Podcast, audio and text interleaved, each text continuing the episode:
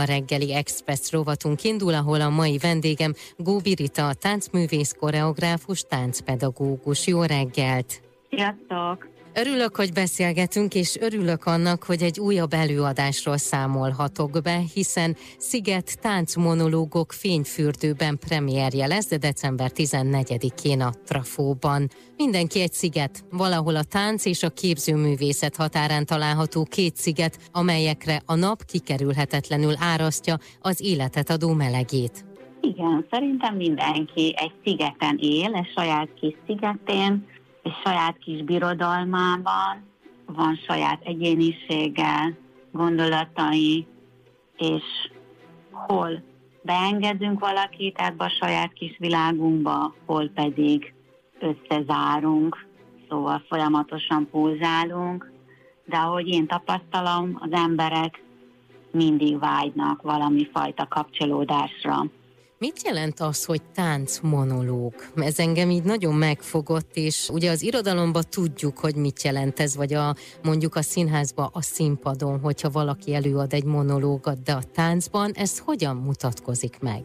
Szerintem a táncban sincs semmi különbség, egyedül vagyunk a színpadon, és amikor táncolunk, akkor monológot mondunk, monológot táncolunk, monológ van a fejünkben, és ezt közvetítjük a nézőknek.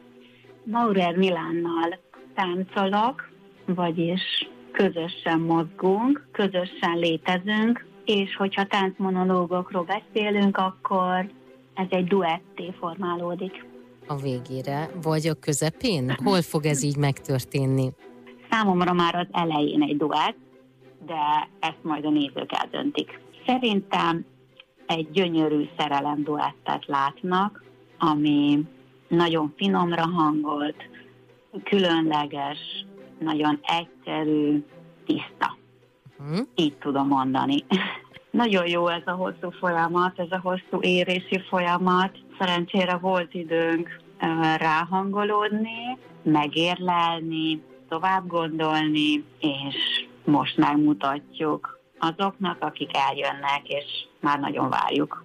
Már a látvány miatt érdemes eljönni, mert a Szorkszor csapattal és a látvány tervezőmmel, a filmtervezőmmel, Pavla Beranovával, aki Prágából érkezik, vele együtt álmodtuk meg a látványt, ami elröpít az éterbe, a vízhez, a tisztasághoz. Mindenképpen látni kell, mert a fényvilága az nagyon különleges. Igen, hiszen ugye ez is lesz, hogy táncmonológok a fényfürdőben, akkor ezért ez a címe, vagy az alcíme az előadásnak. Milyen zenére fogtok táncolni? Grillus Ábrissal dolgoztunk a zenén, ő is nagyon különleges világot álmodott meg erre. Nekem az volt a célom, hogy kicsit elrugaszkodjunk a földtől, kerüljünk bele a nap vagy a föld köré, szálljunk el egy picit a csillagokhoz, egyfajta éteri világba kerüljünk. A két szigetbe zárt lény egymás körüli bolyongása, a fizika törvényeinek való kiszolgáltatottság, az összeolvadást megelőző ütközés fájdalma jelenik meg egy geometriai pontosságú, lecsupaszított mozgásrendszeren keresztül. Tánc a nap alatt, ahol a két fél néha több is, mint egy egész. Milánnak ugye jellemzője, hogy ő ilyen nagyon fizikát meghazudtolóan és biológiát meghazudtolóan csavarja ki a testét. Ez most is meg fog itt mutatkozni ezen az előadásom? Igen, Milánnak az extrém mitása, ami engem is megfogott, és ezt a különleges adottságát egy másik szempontból fogja látni a néző kik voltak azok, akik segítettek abban, hogy létrejöjjön ez az előadás?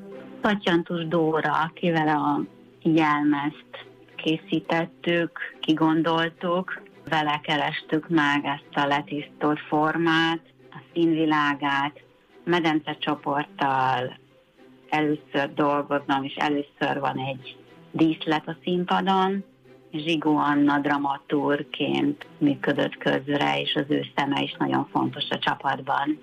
Várom a kíváncsi szemeket, lelkeket, füleket, és remélem, hogy olyan birodalomba kerülnek, ami különleges, ami más, ami kikapcsol, ami feltölt, ami kikapcsolja az agyat ebből a mindennapi Covid hírekből, egy olyan birodalomba kerülnek a nézők, amire mindannyian vágyunk.